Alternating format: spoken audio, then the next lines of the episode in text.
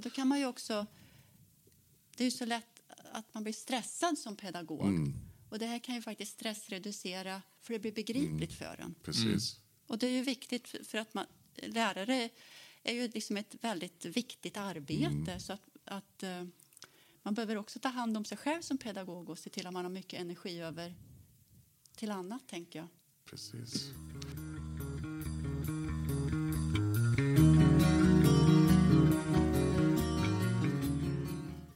Nu kör vi!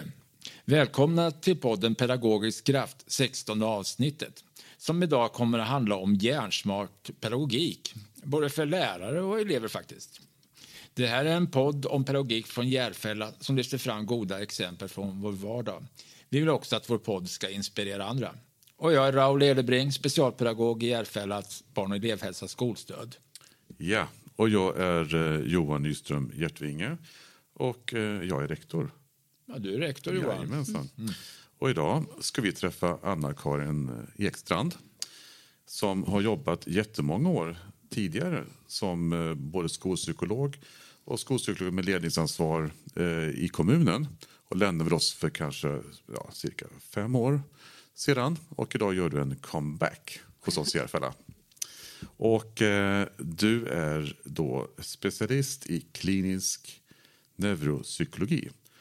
Och då ställer man sig frågan naturligtvis, vad är neuropsykologi? Ja, först vill jag bara tacka att jag har fått komma hit. Jag känner mig väldigt hedrad. Det känns jättekul. Ja, du är jättekul att du är här. Ja, tack. Så välkommen. Ja, neuropsykologi det är mitt specialistområde. Och neuropsykologi det är vetenskapen om relationer mellan hjärnans funktioner och beteende.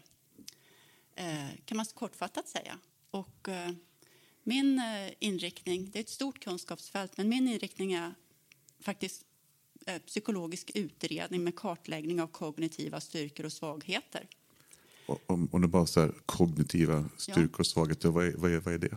Ja, eh, som neuropsykolog så är du intresserad av att förstå hur hjärnan bearbetar och processar information. Och saker man undersöker, eller förmåga vi undersöker vid en neuropsykologisk utredning det är till exempel, förutom att titta på begåvningsnivån, eller jag brukar säga hårddiskens kapacitet, så tittar vi också på programvaran. Och eh, när, vi tittar på, när jag tittar på programvaran då är jag nyfiken på att undersöka till exempel eh, logisk förmåga, både verbal logisk förmåga och visuell logisk förmåga, eller slutledningsförmåga.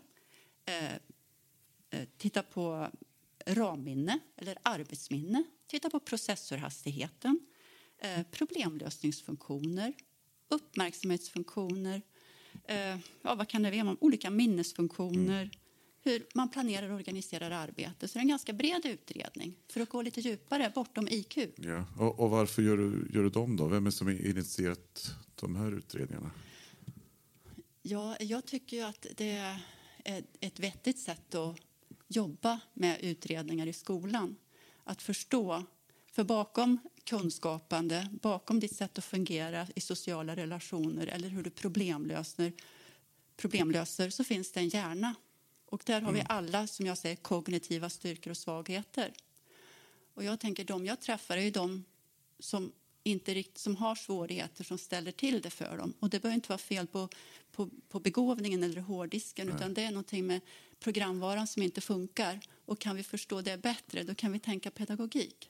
Ja. Och som för alla människor så är det att vi har våra styrkor och svagheter. Och så länge vi kan kompensera för dem i vardagen så har vi inga problem. Det är när vi inte kan det och hjärnan blir liksom överbelastad som vi vill utreda och förstå bättre. Men, men du, vad, vad, vad är det för... Alltså det är styrkor och svagheter. Ge, ge exempel vad man kikar på.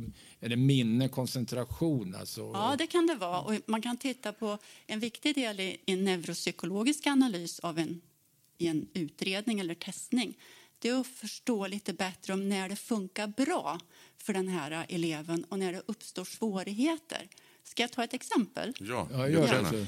Ja, men till exempel, vi har ju en, om vi förenklat säger att det finns ju en, vår hjärna har ju en viss processorhastighet. Men den kan faktiskt skilja sig åt beroende på vilka krav som ställs på oss. Eh, till exempel kan du ha en normal processor när du jobbar med en enkel uppgift som handlar om att visuellt avsöka bara för att hitta en grej. på ett A3-papper. Då kanske din processor fungerar precis som alla andras. Men sen får du en uppgift som ställer högre krav på koncentration och uppmärksamhet. Att du måste jobba med eh, dubbel eller skiftig uppmärksamhet eller simultankapacitet. Du ska skifta mellan två kategorier eh, och jobba så snabbt du kan. Och då kanske processorhastigheten går ner så du behöver längre tid på dig. Men, men ha två bollar i luften ungefär? Ja, precis. Ungefär så. Istället för att bolla med en boll så helt plötsligt ska man Ska bolla, bolla med med, två. två. eller tre. Ja. Och då kanske, man, då kanske man klarar det, men det tar längre tid, så att säga.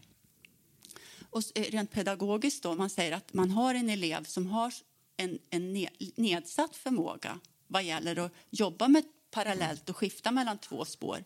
Då kanske den eleven tycker det blir svårt att både eh, lyssna på läraren och skriva egna anteckningar. För det ställer krav på simultankapaciteten. Eh, och den eleven kanske skulle vara betjänt av att få lite färdig, förberedda med stö, eh, listor med stödord eller att man, man jobbar med att man får eh, presentationen innan så man kan eh, titta igenom samtidigt. Så, så de här utredningarna de ska liksom hjälpa lärarna att kunna planera för Ja. elevernas eh, undervisning. Då. Ja, mitt, alltså, så- gör man en utredning i skolan som skolpsykolog då är faktiskt den viktigaste funktionen, eller mitt uppdrag, det är att bidra till att undanröja hinder för lärande och att eleven lyckas och hjälpa, bidra till att lärarna får en annan, kanske lite fördjupad förståelse av vad svårigheterna handlar om och hur det kan ta sig uttryck i skolan och i lärandet. Och så kan man anpassa lite mer. Till exempel som jag har gjort en, nyligen en utredning på en elev i årskurs 7.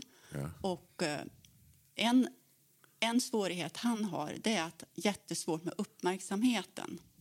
Eh, svårt att vidmakthålla uppmärksamhet över tid och koncentrera sig på det som sägs. Och när läraren förstod det lite bättre då kunde hon tillsammans i hela klassen, de skulle göra ett arbete, ett skriftligt arbete och då tog hon en diskussion i hela klassen så alla var delaktiga med att skriva ner stödord kring det här eh, området man skulle skriva om i svenska. Och med stödet av det, och så skrev hon ner det på tavlan, alla stödord. Och då kunde den här eleven få till en jättefin berättelse för första gången, kanske under hela sin skolgång. Och den var så bra så att han, han, hon läs, läraren läste upp den för hela klassen. och, då fick hon, och han är då helt normalbegåvad men har svårt med de delar i programvaran som rör koncentration och uppmärksamhet och jobbar med flera spår samtidigt. Det är ju skithäftigt. Vi hade ju Ja. förut en särskild begåvning. Det var ju också Ja. liknande grejer där man blir tagen för att inte kunna någonting och så hittar Ja. man liksom vägen. Mm. Spännande. Men för, för det, jag tänker, där är ju också så att jag vet ju också att när man har fått återföring från kanske en psykolog när en elev på utredning att det är väldigt mycket man ska tänka på i, i det hela och nästan så att du, du, du dränks av åtgärder. Alltså så här, man tänker det här kommer jag aldrig kunna eh, tillfredsställa. Så, för de resurser har vi inte. Och, och så här, för det, Det blir ett vara- väldigt enskilt perspektiv. Ja, det, eller hur? Så här, och nå- någonstans är så här, det du pratar om nu, det är klart man kan göra att man är medveten om vissa elever. Men någonstans, det första exemplet du berättade, då var det ju också någonstans att gruppen ändå jobbar tillsammans. Ja. Så, här, så, att, så att, eh, och vi pratar det här gruppperspektivet, så att det kanske, eh, för det är svårt att anpassa för alla ungar. Ja, alltså jag tänker ju att det är viktigt att när man får en utredning att man försöker tänka i ett större perspektiv än kring en, den enskilda eleven. För vad kan jag, vilka åtgärder de åtgärder som vanligtvis gagnar den här eleven gagnar ju många fler. Så lite hjärnsmart pedagogik det är att jobba så långt som det går på gruppnivå och lägga insatserna på, i den tillgängliga lärmiljön snarare än på liksom, en enskild individ. Eh, Men, men vad, vad har neuropsykologin, eller det, det du tänker, om, om vi struntar i utredningarna, Ja vi, vi, tar bort dem en stund och bara tänker liksom jag ska, jag ska eh, organisera en undervisningssituation eller en undervisning till ett visst antal förmågor. Då pratar ju du nu pratar om kognitiva förmågor och vad, är det man ska kika efter för att förstå när man lägger upp som man kan ha nytta av neuropsykologin eller ett skolpsykolog som kan det här. Ja, eh, Jag tänker att det finns ju, jag har lite flera olika svar på det där. Men och så jag ska försöka komma ihåg dem också. jag ska sitta där och prata. Ta ett. Ja, ett. Nej, men jag tänker, har man en, en klass så behöver man ju kartlägga den regelbundet på Ja. gruppnivå och se ja, vilka elever har jag framför mig eh, i den här gruppen. Och vilka är de, har jag några, hur många har svenska som andraspråk? Ja, det. Har jag några med språkstörningsdiagnos? Har jag några som har koncentrationssvårigheter och uppmärksamhetssvårigheter? Finns det några diagnoser i, i den här gruppen? Till exempel ADHD, autism, dyslexi. Och sen måste man ju fundera över tillsammans med sina kollegor. Ja, hur lägger vi upp det här arbetet nu så det blir bra för hela gruppen utifrån den grupp vi har? Och, För man vet ju lite grann på generell nivå vad som kan passa, vad man behöver tänka på. Ja, precis. För vi samsas ju med allihopa. Och, och, och, ja, hur gör ni då? För det är ju jättespännande. Hur får man till det? Ja. Dessa, denna cocktail av, av tänk- olika behov. Ja, men jag tänker att, att, att man behöver vara ett, ett bra arbetslag som har en, liksom ett, ett bra samarbete och där det är högt i tak och inte liksom Prestigelöst. prestigelöst. Ja. Och att eh, man kan ha bra liksom, didaktiska diskussioner kring och ta fram lyckade exempel.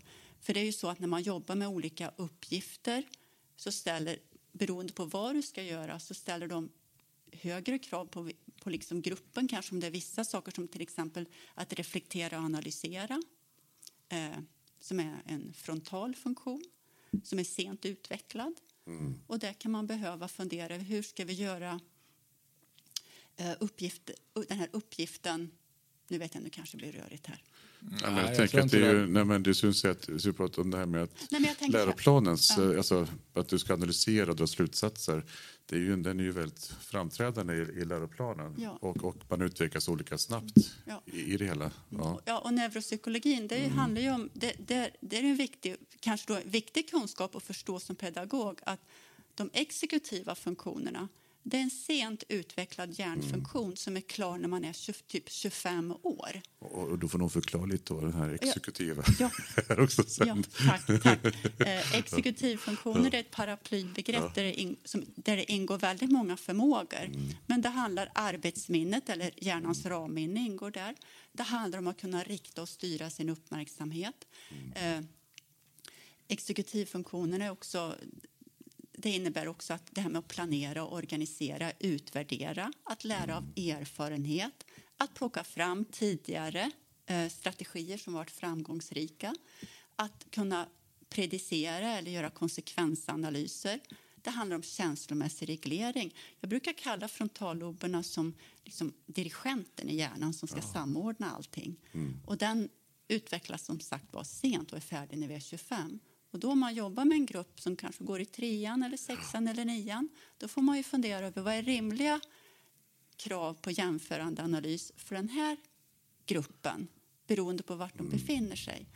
Och eh, sen kanske också att man behöver så att man inte förutsätter att de ska kunna analysera nian som man ska kanske som vuxen.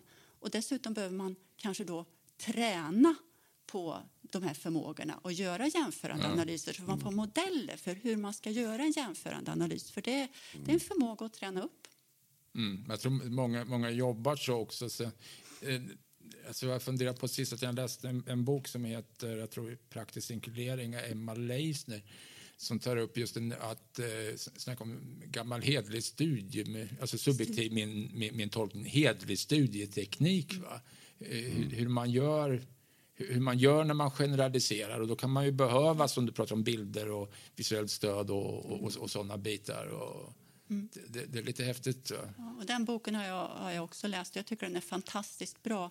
Framförallt är ett fokus på den i den boken att hur gör vi uppgifter tillgängliga för eleven. Det, är ett sätt att göra, det är ett sätt att inkludera eleven Ja. i arbetet. Och här är ju också eleven är ju en resurs i sig för, en, för man ska hitta en väg framåt. Men även eh, klasskamrater är ju också en resurs att ta tillvara i den diskussionen. Ja, det Eller det, i det arbetet menar jag. Ja, jo, men alltså för min upplevelse att ungar och ungdomar har, de vill gärna prata om de här grejerna, alltså sin, sin egen, egna förmågor och tillkortakommanden, ganska ja. nyfikna på varandra. Sån, sån är jag. Liksom, det här sättet kommer jag ihåg bäst. Det, här, det kan också vara andra grejer. Det här, sånt gör mig riktigt arg. Mm. Det här gör mig riktigt glad och, och de här bitarna. Liksom. Ja, men och, det finns ju, och då, då blir det också, kan man ha såna diskussioner i ett, ett eh, en undervisningssituation mm. så skapar väl det också kanske en, en öppenhet för mm. och tolerans för att för för tänker, alla inte ja. är lika. Men för jag tänker det, det är stora, alltså den här att kunna dra slutsatser, analysera allt det, det är mm. stora krav på eleverna. Ja. Alltså ver, verkligen tänker det är så att jag vet inte om man kanske förstår hur stora krav egentligen vi ställer. Alltså hela, när man pratar om att vi, också, att vi har så mycket olika förmågor mm. och, och beroende på hur det ser ut, liksom vad, vad, jag stå, vad jag har för förmåga Ehm, så att jag tänker det, den är, det är rätt tuff nöt, nöt att knäcka mm. liksom någonstans. Mm. Tänker jag. Och jag Verkligen. tänker, mm.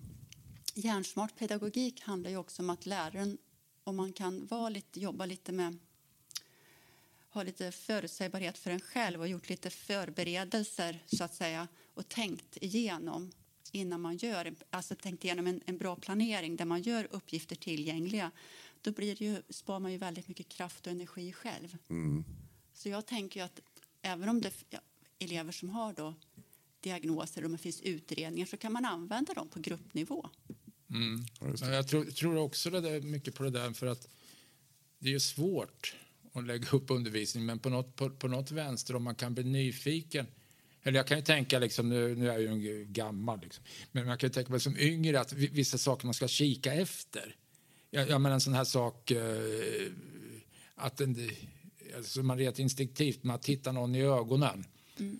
Eh, uppfattar jag då, som är från Östergötland, i alla fall på, på 50-talet, att det är jävligt oförskämt att du inte ser i ögonen, Johan. Mm. Titta i ögonen nu. Liksom. Men, men, men, att för en del är det att, att ett sätt att koncentrera sig. Och att det, det, finns också, jag brukar säga, snacka om ibland, kanske jag gjort i den här podden också, att först när jag förstod att jag inte förstod, det är då jag började förstå någonting. Mm.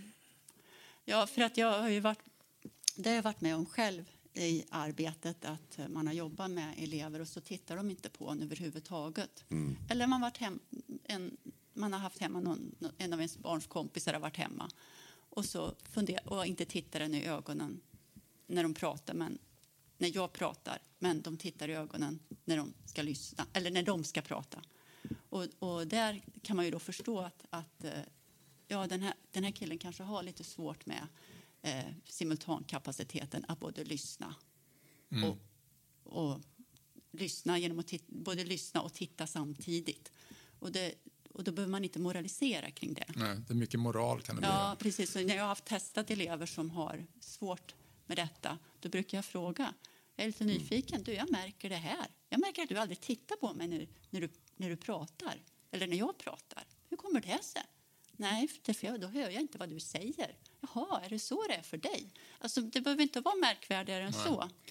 Ja, men det är väl det som är lite av den här nyfikenheten också. Ja. Att man som pedagog måste man ju liksom, eh, någonstans undersöka varför ja. är det så här. Så att inte man, man går runt och blir eh, kränkt eller så, här, så här, ja, eller, eller, att man måste liksom gå in på kraft för någonstans. Mm. Som du sa, titta på mig nu. Så tar man tag liksom, i kinderna. Liksom, titta mig i ögonen nu. Fast det är egentligen jätteobehagligt för, för barn. För de ja. är, det, det, det, är inte det de, man, man, får göra så. Jag, tänker, men jag har gjort alla de här misstagen själv. Ja, men, vet, jag, jag, fast, vi, fast vi fattar ju inte. Nej, nej, nej, det, det är det som är grejen. Att, och, ja. och, jag tror det finns flera mm. sådana ja. man, man, kanske kan lära sig neuropsykologin och annat mm. också. För vi fatt, fattar inte rent instinktivt med det bagaget vi har. Ja, nej, precis. Nej, men jag tänker som mm. vid autism till exempel. Mm. En hjärnfunktion som vanligtvis är påverkad är ju förmågan till mentalisering.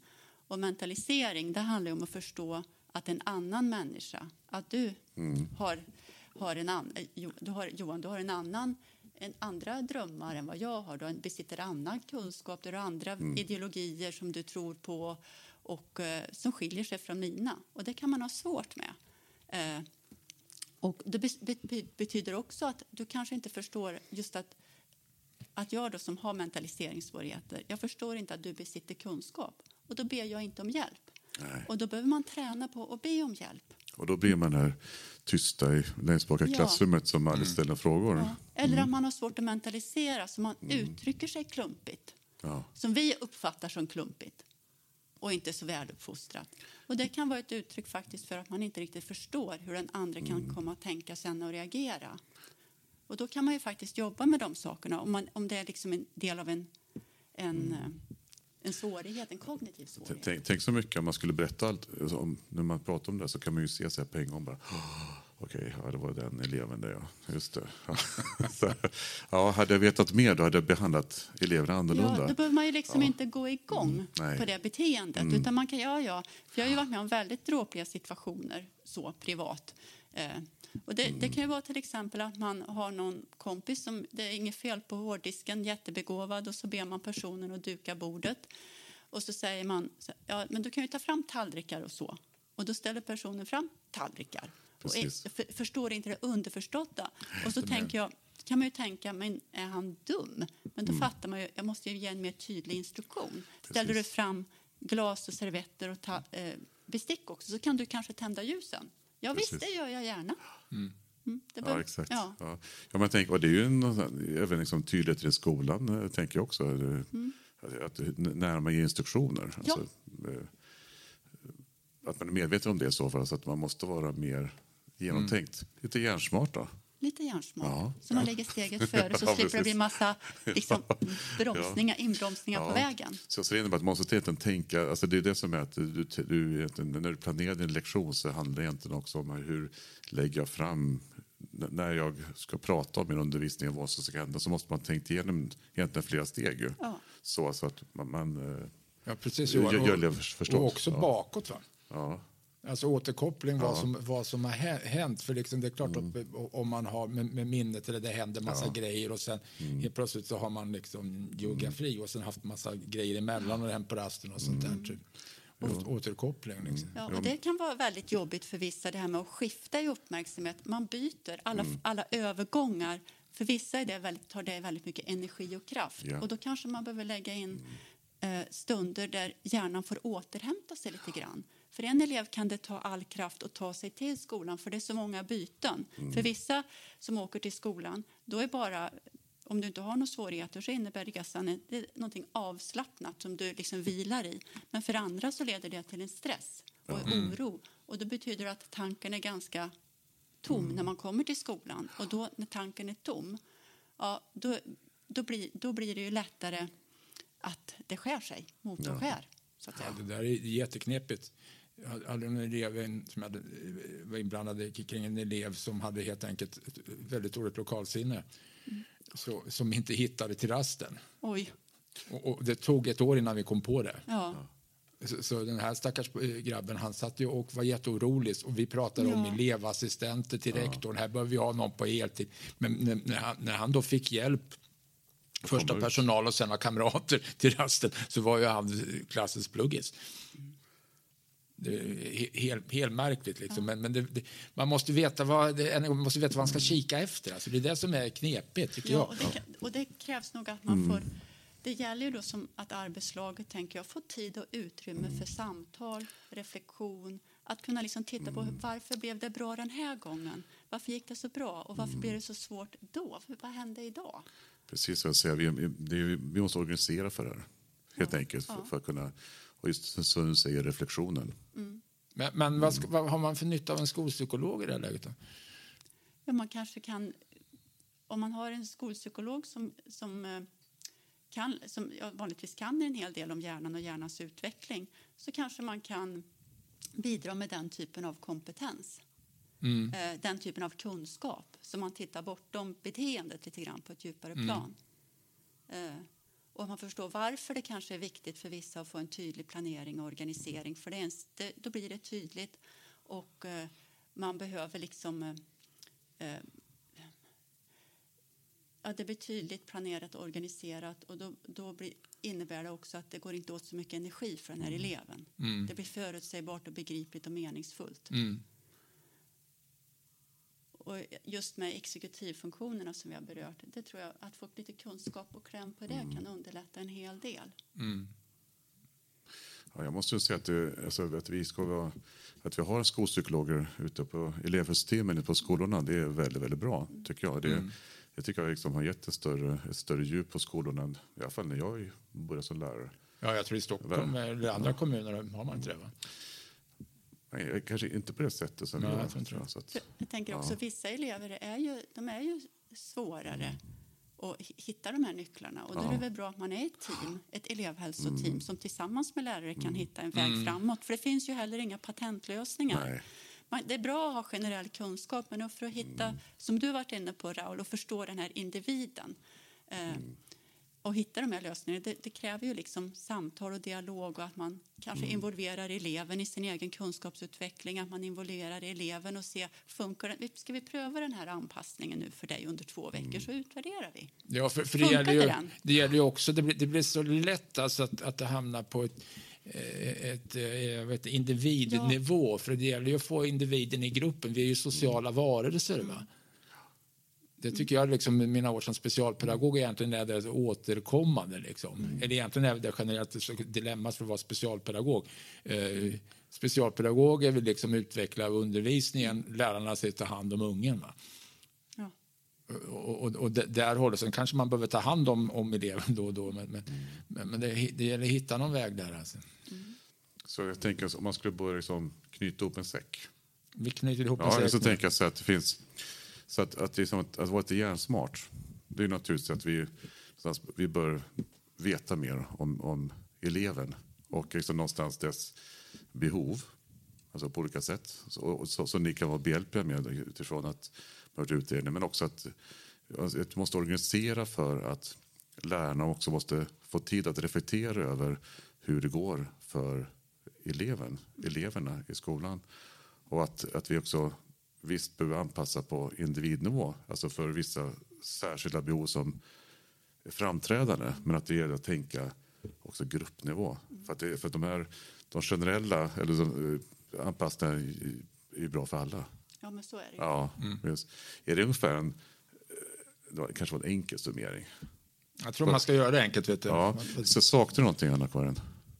Ja, gud, om jag säger så då kommer du gå, Ja, gå igång. alltså, det går ju så fort en sån här Jag stund vet, så ja. det finns så mycket man skulle kunna prata om. Ja. Eh, eh, men jag hoppas ju att, att, eh, att de som lyssnar kan Mm. bli lite nyfikna på det här av kunskapsområdet. Ja, för det går ju att kontakta dig sen. Ja, det gör det. Ja, Jag jobbar ju både med utbildning och handledning. ja exakt. Så att, eh, Föreläsningar. ja. Och Ja, men tanken är att det ska inspirera, så att, eh, vi, vi hoppas på det. Ja, men alltså, egentligen är det, hon säger något klokt där, Anna-Karin. Eller hur? Ja. Mm. Just att ny, vara nyfiken på, på de här områdena. Man behöver ju inte kunna allting, men, men, men också Mm. nyfiken. Alltså, kan det vara på det här sättet? Liksom? ja precis. Det, det, det där.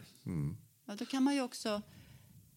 Det är ju så lätt att man blir stressad som pedagog. Mm.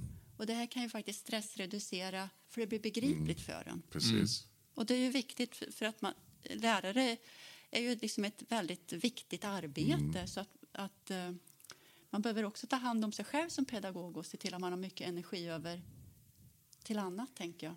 precis. Bra slutkläm. Tycker jag. Mycket bra. Eh, så då avrundar vi. Och vi gör alltid så här att vi avslutar med att tacka Huset på höjden. Som är, eh, förutom att vi tackar dig Anna-Karin för att du är här. men Fantastiskt tack. trevligt. Tack. Så, så tackar vi då den här eh, höjden. Eh, som är Järfälla kommuns kultur och aktivitetshus. Där får vi hjälp att podda, redigera, ta kort. Och sen ska vi tacka Julia Rosberg också. Nej. Ja, det kan vi göra. Ja, så får vår vår absolut. till, till dödagar. Yes. absolut. Ja, det gör vi. Så tack så mycket. Tack, Tack. och hej. Tack och hej. Tack, tack. Hej, hej.